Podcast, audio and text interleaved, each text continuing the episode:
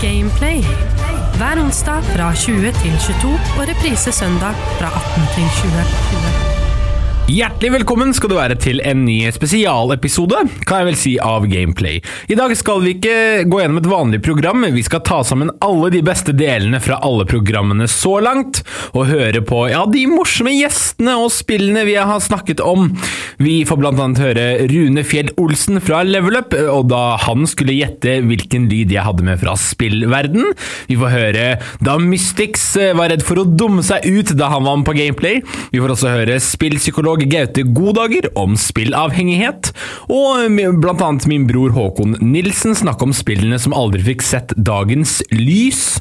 Og selvfølgelig alt imellom. Så bli med når vi ser på de beste øyeblikkene fra gameplay-historien så langt. Gameplay på Radio Metro. Aller først i vår Gameplay Best Off i dag, så skal vi høre da Rune Fjell Olsen var med på Gameplay i den aller første episoden og skulle prøve seg på spalten Gjett lyden. Der hadde jeg med en uh, ukjent lyd fra spillverden som han skulle prøve å gjette på. Klarte han det? Eller klarte han det veldig bra? Hør på dette. Da er vi i gang med vår neste spalte her på Gameplay, nemlig Gjett lyden, hvor jeg skal utfordre spillkunnskapene til gjesten vår i dag, Rune, om, om du kjenner igjen lyden jeg har tatt med til, til, deg fra et spill. Er du klar, Rune? Ja, Det er alltid litt skummelt å bli utfordra på, på spillkunnskap når man lever av det, men ok, vi kjører. Vi utfordrer deg på levebrødet ditt. Ok. Det er altså lydeffekten vi har med, har med i dag. Jeg, jeg, lurer på om du kanskje vet uh, hva det er. Har du noen sånn tanke umiddelbart? Vi kan høre den en gang til. Jeg, jeg, tror ikke jeg trenger å høre den så mange flere ganger. Nei, det gjør ikke det? Nei, det er, det, er, det er, nok ikke så vanskelig for en som har erfaring innenfor spillverden, men for de som kanskje ikke har spilt så mye av 90-tallsspillene, så, så kan den her være litt ukjent. Hva kan du si om dette spillet uten å avsløre det sånn umiddelbart? Det er jo fra en av uh, spillmediets uh, fremste autører. Mm. Uh, også en, en, klassisk regissør som har veldig si, klare tanker om hva spill skal være. Det er et spill som skiller seg litt ut. De har veldig mye historie og dialog og cutscenes og handling og, og sånne ting. Det er også en serie som tar for seg hva skal man si, ganske framtidsretta uh, temaer. Uh, et av disse spillene har f.eks. spådd uh, litt pandemien og, og, fremveksten av sosiale medier og fake news og den type ting. Veldig forut for sin tid. Ekstremt forut for sin tid. Ja. Og en av mine favorittserier. Hvilket spill er det vi hørte lyden fra? Ja, dette er Metal Gear Solid det er... fra PlayStation 1. Du hører Gameplay på Radio Metro. Videre i programmet så skal vi til da jeg hadde Peter Brass på besøk her på Gameplay. Nemlig mannen som ble kåret til Norges beste gamer. Og Jeg var veldig nysgjerrig på å høre hva slags anbefaling han hadde med fra spillverden til oss. Hør på dette. Videre i Gameplay skal vi nå ta en tur innom tredje spalten Våre anbefalinger, der hvor jeg og gjesten i dag, Peter Bross, Norges beste gamer, skal, skal bringe våre anbefalinger til bords for nykommende gamere, eller eventuelt gamerforeldre, hvis dere vil vite litt hva slags spill som er kule å kjøpe til barna til julegave. Du sa du hadde tre stykker, jeg har bare én, derfor vil jeg gi deg æren av å starte. Ah, du kan ta med en, en anbefaling eh, til å begynne med. Ja, så. Eh, det er et spill som kom ut i 2019 som heter Inscription. Det er en av de beste spillopplevelsene jeg noen gang har hatt. Eh, det er litt vanskelig å anbefale, for det er, dette er et spill Jo mindre jeg sier til deg, jo bedre blir det. Så den er litt sånn just trust me, men uh, denne er for voksne, da, ikke for det minsteklassen. Jeg må fortelle deg noe morsomt. Ja? Forrige av våre anbefalinger så hadde jeg med inscription. Helt enig! Helt Åh, enig! Det er så fantastisk, det, er, spillet. Jeg syns du presenterte det på en veldig bra måte. Jeg, jeg, anbefalte det forrige gang, og jeg er så glad du tar det med nå, fordi man kan ikke anbefale inscription nok. Dette er en av de mest unike spillopplevelsene, da, og når man blir litt eldre, blir man ofte litt kynisk og sånn der Man finner liksom ikke simpel glede, men det spillet var liksom bare Jeg følte meg som et barn. Jeg får bare sånn Wow! Ja. Hva som helst kan skje! Hva som helst kan skje! Ja, det var akkurat samme her, og det er eh, det, det, det angivelig gir det seg ut til å være et, et kortspill, og det er jo det også, et, et Ja. digitalt kortspill, men det tar så mange rare, uforventede vendinger eh, til tider at eh, det er mye mer enn et kortspill. Dette er Gameplay på Radio Metro. Og så må vi jo selvfølgelig høre den ene gangen Mystics var med og skulle prøve å gjette lyden jeg hadde med fra spillverden, som han ikke visste hvor kom fra. Og det var utrolig morsomt å høre hvor redd han ble for at dette skulle havne på ryktet hans for alltid, og at hans eh, spillkunnskap virkelig ble satt på prøve. Hør på dette. Velkommen til andre spalten på dagens program, nemlig Gjett lyden, hvor jeg har med en ukjent eh, lyd fra spillverden til dagens eh, store gjest, Mystics, aka Runar Borge. Vi får håpe det er like hyggelig etter den spalten her. ja, kjenner du at du er litt nervøs på Ja, lyden? nå er jeg faktisk blodnervøs.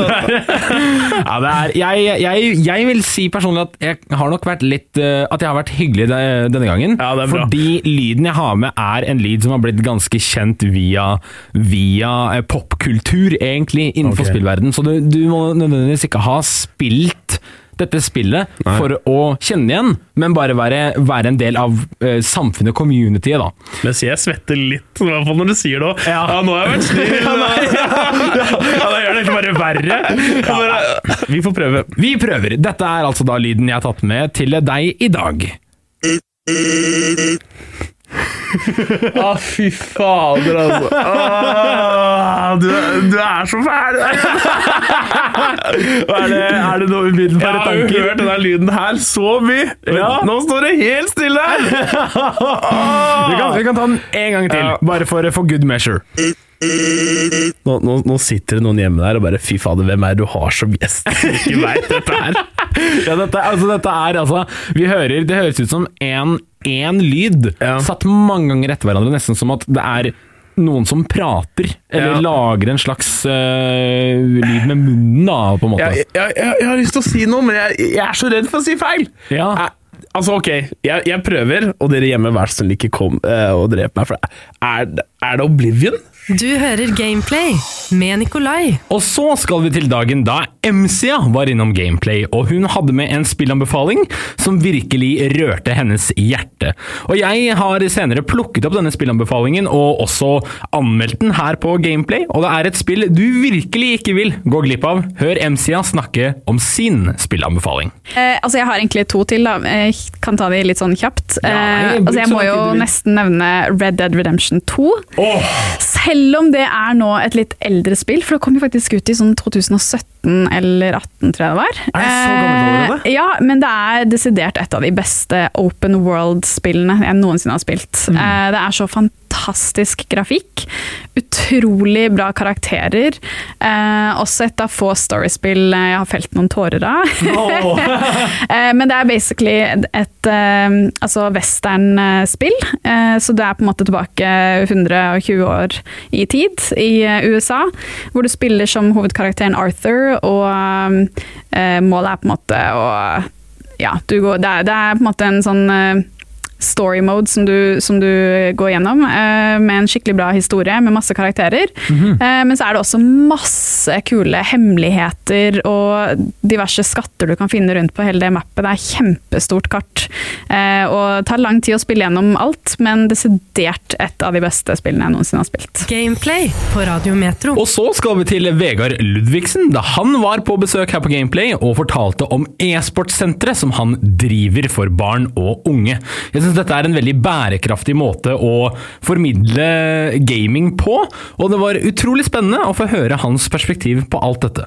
En vanlig dag for meg det er at jeg først jobber med en vanlig jobb, og så kommer jeg hjem og så drar jeg rett på e-sportsenteret for å basically ta imot barn og unge eh, som kanskje ville bare vanket på et senter, ikke har eh, råd til et gaming-setup, eh, men praktisk gir de en mulighet til å ha veldig sosial glede i hverdagen sin.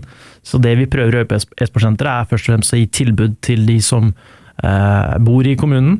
Eh, I tillegg til det så sørger vi for at det skjer ting på e-sporten som turneringer, Fifa-turneringer, Rocket League-turneringer, eh, og så sørger sørge for at de får et sånt litt annet forhold til gaming enn de kanskje har, at de sitter mye alene. Her er det sosialt, her er det en eh, chill-lounge, her er det muligheten til å streame, her er muligheten til å uh, liksom føle på gaming på en litt annen måte enn du kanskje ville hatt hvis du bare var hjemme, logget på internett og så snakket med noen folk på Fortnite som du ikke kjente helt til.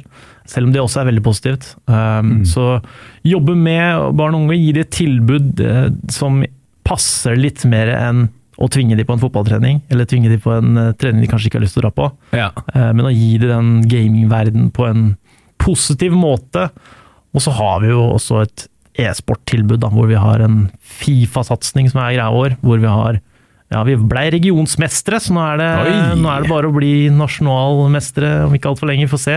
Um, så det er også en verden, og det er e-sportverden. Men, men det jeg brenner mest for, det er å se gleden i barn og unge når de kommer, altså de kommer tilbake neste dag og liksom bare Yo, Vegard, kan vi, ikke, kan vi ikke fyre opp det samme som i går? Så, Nei, vet du hva, i dag har vi det her. Kan vi ikke prøve det? Og så er de bare Å, det her var jo kulere. Du hører Gameplay på Radio Metro. Videre skal vi til dagen da Musarita, Marita Ceylon, var innom og fortalte om sin, sitt forhold til gaming. Jeg var veldig nysgjerrig i og med at hun var en streamer, men om hun hadde noe annet forhold til gaming enn bare på stream. Hør på dette. Hva er ditt forhold til gaming? Jeg føler at det er livet mitt. da. Akkurat Ja. sånn som ting er nå, så er jo det livet mitt. Det er det eneste jeg driver med. Ja. Ehm, ja, Streamer, jobber med gaming og barn i Kirkens Bymisjon. Um, sånn at uh, akkurat nå så er det livet. Og så er det jo det er alt jeg driver med, da. Ja. Uh, sånn at det er så mye og omfattende. Eh, sånn at å gå inn på småting, det blir vanskelig. ja, det gjør det. Men, eh, ok, Så du, du er hovedsakelig en streamer, men du jobber også med eh, Kirkens Bymisjon med gaming for barn og unge? Ja, stemmer. Ok, Hva går det ut på, hvis du kan ta oss gjennom en, en dag der, på en måte, eller en, eh, kort fortalt? da? Ja, ehm, det er et gratis sånn lavterskeltilbud som er for alle barn. eh, Ja. Hvor de bare kan droppe inn etter skolen hvis de har lyst. Ehm, og så kommer de inn og gamer, spiller og få hjelp, da. Rett og slett. Kanskje lage brukere. Det å huske å logge ut. Sånn at det er litt sånn PC-gamingopplæring i tillegg. Ok. Eh, Så det er, det er veldig givende. Og så er det jo et fint sted, en fin sosial plattform for barn og unge til å møte hverandre, da, som er, eller de som er interessert i det samme som deg. Ja. For det fins ikke. Nei. Eh, Så det er jo drømmen min på sikt. Det er jo at man skal kunne tilby de barna som ikke vil på fotball, eller de som ikke vil på håndball, et, et sosialt sted å dra, hvor man kan møte de som eh, spiller det samme som deg. Ja. Mm. ja, det er veldig hyggelig. Så det blir, det blir som en slags sånn eh, etter skolen-aktivitet, bare at det Ja. er gaming. Ja. Dette er Gameplay på Radio Metro. Og så skal vi til episoden da vi hadde spillpsykolog Gaute Godager innom. Han forteller oss litt om spillavhengighet, og hva slags problematikk dette er, og eventuelt hvordan du kan hjelpe noen som er spillavhengige. Ja, altså spillavhengighet er jo Jeg har jo jobba med masse unge mennesker som har spill som en del av sitt problem eh, og sin utfordring. Og de kommer jo til meg fordi de vet at jeg elsker dataspill også. Altså, De kan kanskje være i konflikt med, med foreldrene sine, eller med skole, eller med Nav hvis de er litt eldre, fordi de ikke gjør noe annet enn å spille, liksom. eh, sier de rundt, da. Og jeg skjønner jo hvorfor. Det kan jo være fordi de er kjempegode i det de driver med. De kan jo være på, på vei inn i et profflag i eh, Call of Duty, liksom, eller tilsvarende. Men, eh, men det som er greia da, det er at vi definerer deg som avhengig hvis du ikke klarer å leve det livet du ønsker å leve. Ja. Så hvis du har lyst til å studere, men du får det ikke til fordi du bare spiller, eller du har lyst til å gå på besøk til noen og ha noen venner, men du får det ikke til fordi du bare spiller, da tenker man at det er Det er sånn at du får funksjonsfall. da.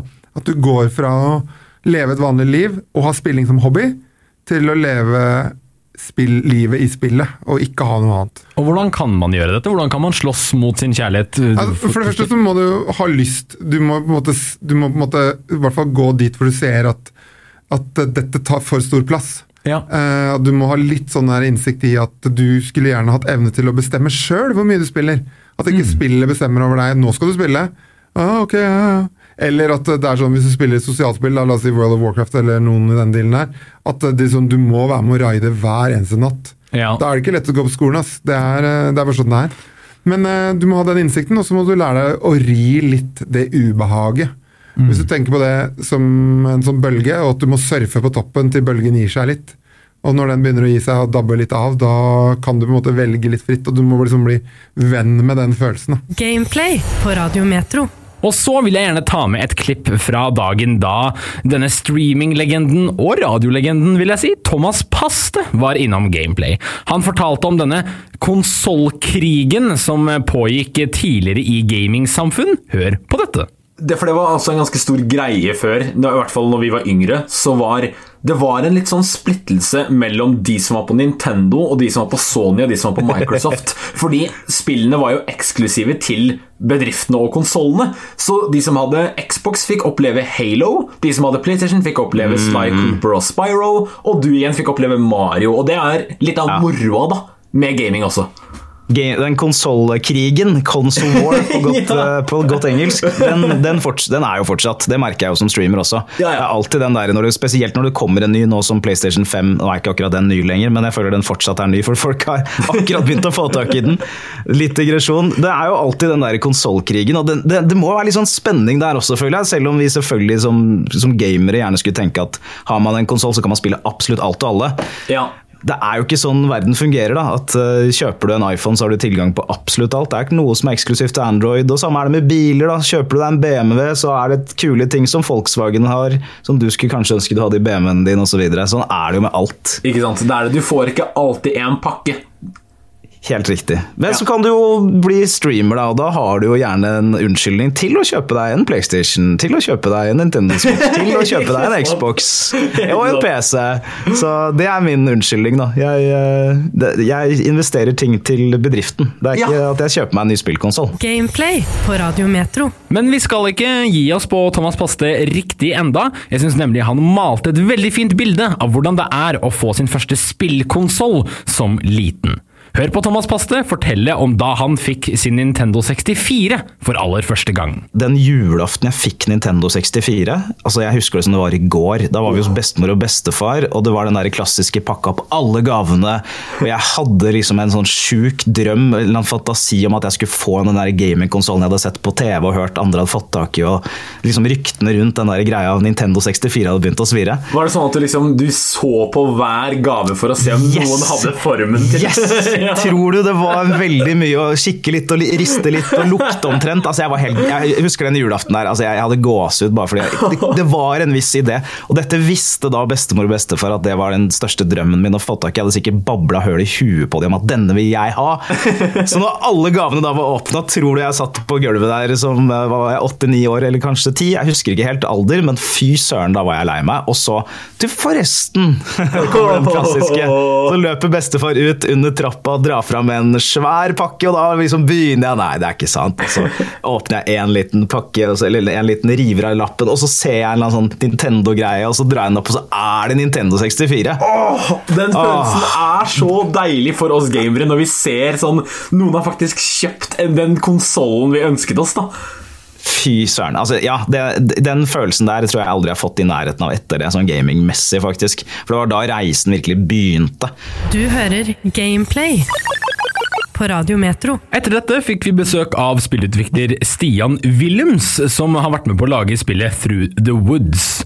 Han gir oss et innblikk på hvordan det er å være spillutvikler, og de gode, men også de dårlige sidene. Jeg tenkte bare på i forhold til eh, spillutvikling og sånt, så er det jo eh, I hvert fall sånn i forhold til The Fold, da, så har det jo vært eh, Jeg har jo jobba på det i, i Ja, det begynner å nærme seg seks år aleine. Eller fem år aleine, og ett år med eh, disse andre to gutta. Ja. Uh, og det har jo I starten så føltes det ganske nice uh, å kunne ha eh, ansvar for eh, alle områder eh, på egen hånd og styre eh, sjappa sjøl, om man kan si det sånn. Eh, følte at jeg hadde mye gode ideer som jeg ville få ned uten liksom, altfor mye innvendinger, og gjøre det til liksom, min, mitt kunstprosjekt, nesten. da. Mm. og eh, etter hvert så, så har i hvert fall det eh, blitt ganske ensomt, kan man si. Eh, og så i, i høst, eller tidligere som var nå, da, så ble som, som jeg tror egentlig også gjelder ganske mange spillutviklere, egentlig, ble eh, utbrent. da. Men det er jo også en veldig veldig viktig perspektiv av spillutvikling. Det der med hva du faktisk gjør med utviklerne hvis de får for mye på seg. Eller hva, du, hva du selv på en måte må igjennom da, for å lande dette produktet. Så det her syns jeg er eh, kjempefint å eh, å også ta opp som en, eh, som en ekstra pekepinn på dette her er viktig. Dette er Gameplay på Radio Metro. Og så fikk vi besøk av Dennis Vareide, mannen som har vært Norges største YouTuber i flere år. Han forteller oss hvordan denne YouTube-karrieren startet, og den startet selvfølgelig gjennom gaming. Du har jo eh, denne YouTube-karrieren din, som, nå, som du fortalte tidligere, er på det 13. året. Og hvis jeg har forstått det riktig, så startet den vel sånn profesjonelt ved at du laget en Minecraft-trailer som gikk nokså viralt. Kan du ta oss gjennom den historien der? Ja, det kan jeg godt. Jeg hadde jo laga litt sånn gamingvideoer faktisk før jeg oppdaga Minecraft i 2010. Eh, og det var, da, men da lasta jeg på noen rare sånne her, Det her var jo før YouTube var som en etablert greie. da. Eh, så da lasta jeg liksom litt opp her og der. På noen random sånne video-sharing sites for liksom gaming som garantert er lagt ned nå. da. Ja, ok. Eh, men så var det en sommer jeg oppdaga Minecraft, egentlig før det liksom hadde tatt av i det hele tatt. Eh, og det delte det, fant det spillet her som ut av det blå og tenkte herregud, det her er jo kjempefett.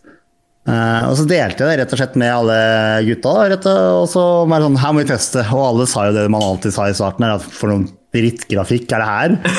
uh, men alle, det tok ikke et par timer, så satt vi der hele natta og laga gruver og uh, jakta etter diamonds og alt det greiene der. Og kosa oss på en eller annen sånn forferdelig server vi hadde i, tilbake i 2010. og Gamle Minecraft, altså. Ja, ja, ja. Og da jobba jeg ved butikk. Eh, men så, det gikk jo surra i huet mitt, for jeg har jo laga en del videoer før og liksom, var liksom, eh, engasjert i det med å lage litt sånn spillvideoer. Så tenkte jeg det hadde vært gøy å lage en trailer til de greiene her, da, bare for moro skyld. Og så bare gikk jeg hjem en dag, og så filma jeg bare på den serveren. eh, Og alt det greiene vi hadde bygd og laga på den serveren. Og liksom klippa det inn sammen med en sånn episk, sånn superepisk musikk, sånn Inception. Den der dykker, dykker, dykker, bam. Så bare gjøre det overdådig episk, og la på litt tekst og liksom prøvde å gjøre det sånn spennende og skummelt. Jeg tenkte det hadde vært gøy å gjøre det med et så tullete spill. Eh, og så lasta jeg den opp, og så tenkte jeg liksom, hvis jeg klarer å få 10 000 visninger For det hadde jeg aldri vært i nærheten av å klare før. Men jeg tenkte det her kan jeg kanskje This is the big one. Eh, delte på noen random gamingforums, og så gikk jeg og la meg. Og så dagen etterpå så våkna jeg opp til nesten, husker jeg så å si, 100 000 visninger.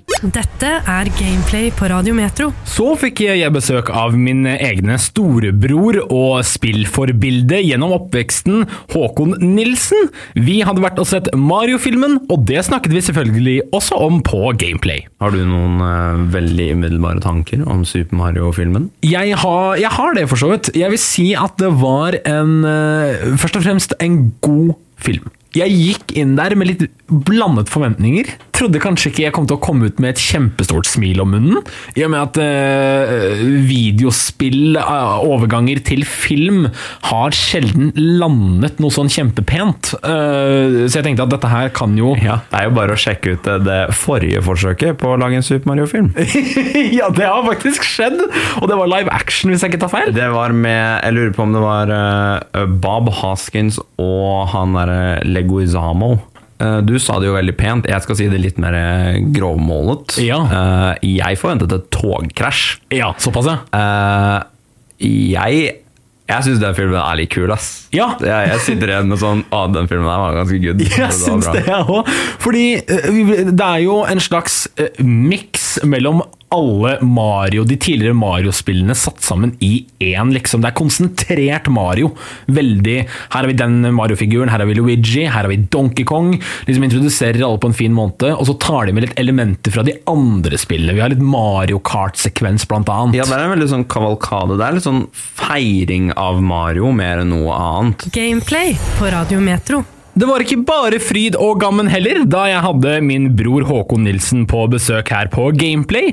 Han hadde nemlig tatt med en lyd fra spillverden som jeg ikke fikk vite hva var, og den skulle jeg gjette meg fram til. Man kan vel trygt si at det var payback for alle gangene jeg har hatt gjettelyden på de stakkars gjestene. Men eh, så har det seg sånn da, Nikolai, at eh, jeg har funnet en lyd til deg også. Som du skal få lov å gjette. Nei, seriøst? Ja da.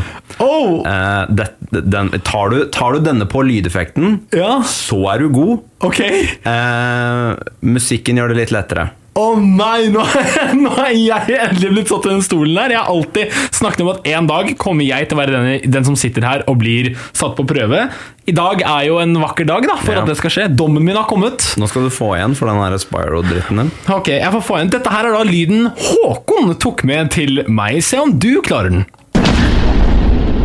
Ok, så det er lydeffekt Ja, jeg har, jeg har faktisk ingen idé om hva det kan jo da, jo da, jo da. Okay, det er ja, det høres ut som en, det høres ut som en pistol som blir skutt ifra, eller en bombe, eller på noen sånn måte, men Det er et høyt smell, men det er liksom en sånn perkusjonssmell. Sånn, Ja, med litt sånn eh, Med, med rom og at, ekko. som Ja. om at det er noe spesielt som skjer i dette øyeblikket her. Oh, ja, ok, nesten sånn. Ok, ok, jeg skjønner. Skal vi, du har jo med en musikkfil, og skal jeg prøve den?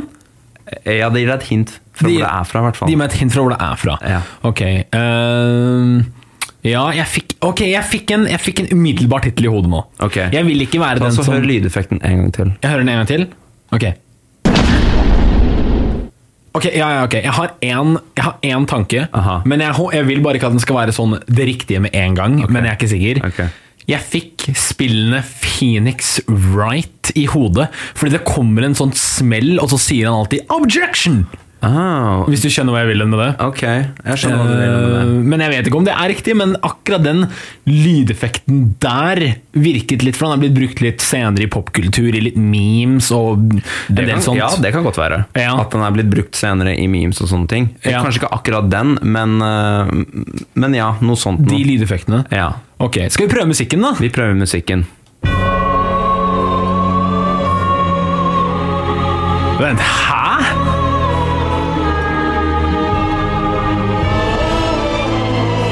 Ja, det, altså Du vet hva dette er? Ja, ja, det her er jo Seaf sitt theme fra Dark Souls. Ja, det stemmer det. Men Ok, ja, altså, ja, det er jo Seaf sitt theme, og Dark Ja. Souls er jo favorittspillet mitt. Men Ja. er lyden da fra Dark Souls? Lyden der er fra Dark Souls, ja. Det, det er det som er litt morsomt med denne gjettelyden for deg, da. Ja. Er eh, Jeg vil fram til Hva er det? Hva lyden er det lyden er? Hva er lyden? Jeg får ikke enkelt. ok, ok. Hva er lyden? Alle har hørt den lydeffekten. Er det lydeffekten av at du dør i Dark Souls? Nei da. Nei, det er, det er, det er Eller, jeg skulle til å si alle har det, men eh, kanskje ikke alle. For jeg vet at jeg hørte den jo ikke før eh, helt på slutten av spillet. Å ja! Å ja! Det er lydeffekten Det er lydeffekten av at du parryer! Ja. Du hører Gameplay på Radio Metro. Og så vil jeg gjerne ta med et klipp fra den ene gangen jeg satt alene her i studio og hadde en liten spillhistorietime sammen med deg. Og da fortalte jeg om spillserien Final Fantasy, og hvordan den egentlig startet. I dagens første spalte skal vi jo til playback eh, vanligvis, men denne gangen har vi en liten vri på det. Vi skal se på spillhistorikken til en av eh, ja, dagens samfunn sitt mest kjente spillserie, da, hvis man kan si det på den måten. Vi skal til Japan og studioet Square på 80-tallet. Square var et spillkompani som holdt på å eh, ja, basically fyke. De hadde ikke nok penger i kassa, og det så ikke særlig lyst ut. Men 18.12.1987 valgte Hironobu Sakaguchi å lage et spill som deres siste redning. Han skulle prøve å hente inn kompaniet og se om dette spillet kunne tjene inn nok penger til å faktisk drifte Square videre. Dette var vel deres siste håp, eller kanskje siste fantasi.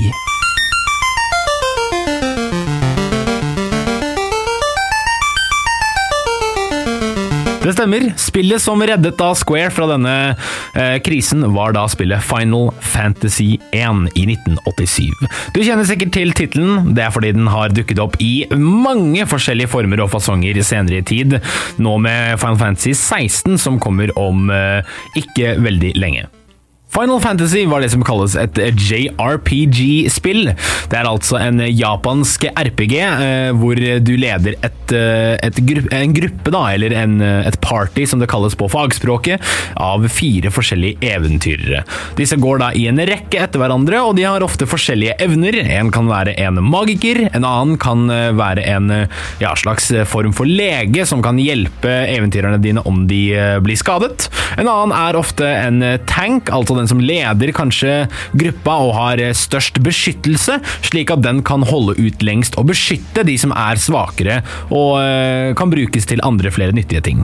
Og så er det gjerne kanskje en eh, som er litt langdistanse, som en bueskytter, osv. Dette er hvordan JRPG-spill ofte er bygget opp. Og Fan Fantasy 1 var da et slikt et, og åpen verden må jo også nevnes. Det var en åpen verden du kunne dra og utforske selv. Historien er ganske så simpel og eh, grei. Det er jo ikke like enkelt å formidle kjempetunge historier gjennom spill fra 80-tallet, så Final Fantasy 1 holder seg ganske kort og konsist. Den tar fra disse da fire figurene du kontrollerer i denne gruppa, og hver av de, som kalles en Warrior of Light, altså lysets kriger, bærer en eh, elementær krystall. Disse elementære krystallene har blitt formørket av eh, fire store slemminger, da, og de er nødt til å ta disse for å kunne gi lys til krystallene og da redde verden. Til tross for at dette er en ganske eh, simpelt utgangspunkt for et spill, så er det veldig gøy at Final Fantasy har eh, brukt denne tematikken med lys og mørke og godt og ondt, selv den dag i dag. Du ser det spesielt i, eh, i MMO-spillet Final Fantasy 14, som er en av deres nyere titler, at lys og mørke og dette begrepet med lysets kriger, Warrior of Light, fortsatt brukes svært jevnlig. Dette er Gameplay på Radio Metro. Så skal vi høre om et av spillene i spillhistorien som ikke fikk se dagens lys, eh, og hadde veldig høye forventninger eh, satt til eh, sitt spillerpublikum. Hør på dette. Jeg tror det er 2016-17, noe Ja. sånt noe. Um, uh, og, og, og Konami, da. Dette, Konami. dette store spillselskapet som har uh, gitt oss Metal Gear Solid, gitt oss Castlevania, Mm. det har gitt oss uh, Silent Hill. Mm. Og så kommer de uh, ut på scenen, og de, de launcher en, en samarbeidsprosjekt med Junji Ito, en uh, horrorforfatter fra Japan. Guillermo del Toro, en, en filmskaper. Mm. Og uh, Ja, den siste skal jeg holde litt skjult, faktisk. Gjør det, gjør det. Hold den skjult. Skal jeg holde litt skjult. Ok, Så de, de annonserer dette samarbeidet sammen på scenen. Ja. Um, og Hideo Kojima, mannen bak Metal Gear Solid, skal føre dette prosjektet an. Og Hvis du har hørt den første episoden av Gameplay, så kan du høre Rune Fjell Olsen fra Level Up eh, fortelle om hvordan eh, Hideo Kojima er en av de, eh, de mest hva skal man si, intellektuelle og geniale videospillskaperne fra vår moderne tid. Definitivt en, en ordentlig profil. Den en største profilen En av de største profilene, vil jeg si, i Mm. videospill. Um, så de kommer ut på scenen, og de launcher denne. Vi har en demo for et nytt spill. Det heter PT. Ja. Står for tydeligvis Playable Teaser. Ok, er det det? ja? Det er ikke verre. Så du spiller PT, og det er en veldig, veldig sånn liten, men veldig stram, veldig flott gjennomført horrorsekvens. Ja, og jeg husker vi to spilte det sammen oppe på rommet ditt. Det var helt mørkt, og vi skrudde på PT sammen. Ja, Det var, eh, det, du bare følger en gang, men det er et hjørne som du må krysse. Det er en gang som går i en L-form. Når du kommer til hjørnet, så stopper du hver gang før du snur kamera, fordi hva skjuler seg bak det hjørnet? Og så Det er en 90-gradersgang, liksom, så du, du kan aldri titte ut av hjørnet. Du må alltid gå helt frem til gangen for å så snu deg 90 grader, og da kan Det er frykten for at alt kan dukke opp på skjermen, da. Ja, og gangen, gangen looper jo. Så det er er, det, er dette gangen det er, er, det, er, det, er det nå det er noe bak der? Er det nå? Og for hver gang det ikke skjer noe, så blir du mer stressa for neste gang. Eh, fantastisk spill, egentlig. Fantastisk teaser. For en, den beste traileren jeg noen gang har spilt. Og dette, er, ja, dette er en demo, det her er bare en hook for å hente oss inn til at det kommer mer. Og så slutter demoen med at hovedpersonen du spiller som ser seg selv i speilet, og så er det Norman Reedus fra Walking Dead. Daryl Dixon selv, som var en av eh, AMC sine største TV-helter på dette tidspunktet. Når og, Walking Dead var på sin fulle fremgang. Ja, ja, ja. Og så kommer bokstavene opp Silent Hills. Det er Silent Hills sin nye edition til- addition til spillserien. Med så mange geniale hoder på dette prosjektet. Og så ble det cancelled. Du hører Gameplay med Nikolai. Og til slutt må vi ta et lite klipp fra da jeg snakket med Valheim-utviklerne, og fikk høre hele historien om hvordan Valheim ble til. Det jeg da lurer på er, hvordan ble Valheim til? Hvor startet dette? Hva var ideen bak spillet og, og utgangspunktet deres? Jeg tror nesten du er best på å svare på den Robin. Eh, ja, altså det var jo våran eh, chef Rickard Svensson som eh, alltså något år innan 2019, alltså kanske 2017 kanske eller något sånt, där han började jobba på ett, ett eget projekt på fritiden. Eh, där han ville egentligen skapa ett, eh, alltså et MMO, uh, Massive Multiplayer Online. okay. Står det for. Uh, men at det skulle være at man connecter til hverandre eh, peer-to-peer. Eh, Så han ville gjøre et nettverkstest på et sånt her spel og så tykte han at att vikingar vore ju coolt å gjøre noe med. Bare for å ha noe å jobbe imot hele tiden. Ehm, Men det jag tycker är väldigt intressant och väldigt, väldigt smart gjort av Rickard är att han valde ju att försöka hitta en, en art style för spelet ganska tidigt. Som var väldigt simpelt. Eh, Men alltså så här, det är low fidelity i, i både i 3D-modellerna. Det kallas low poly. Eh, Och sen även i mm, texturerna som används på är, ju också low fidelity så att det blir liksom pixelerat mm. grafik eller pixelerade texturer.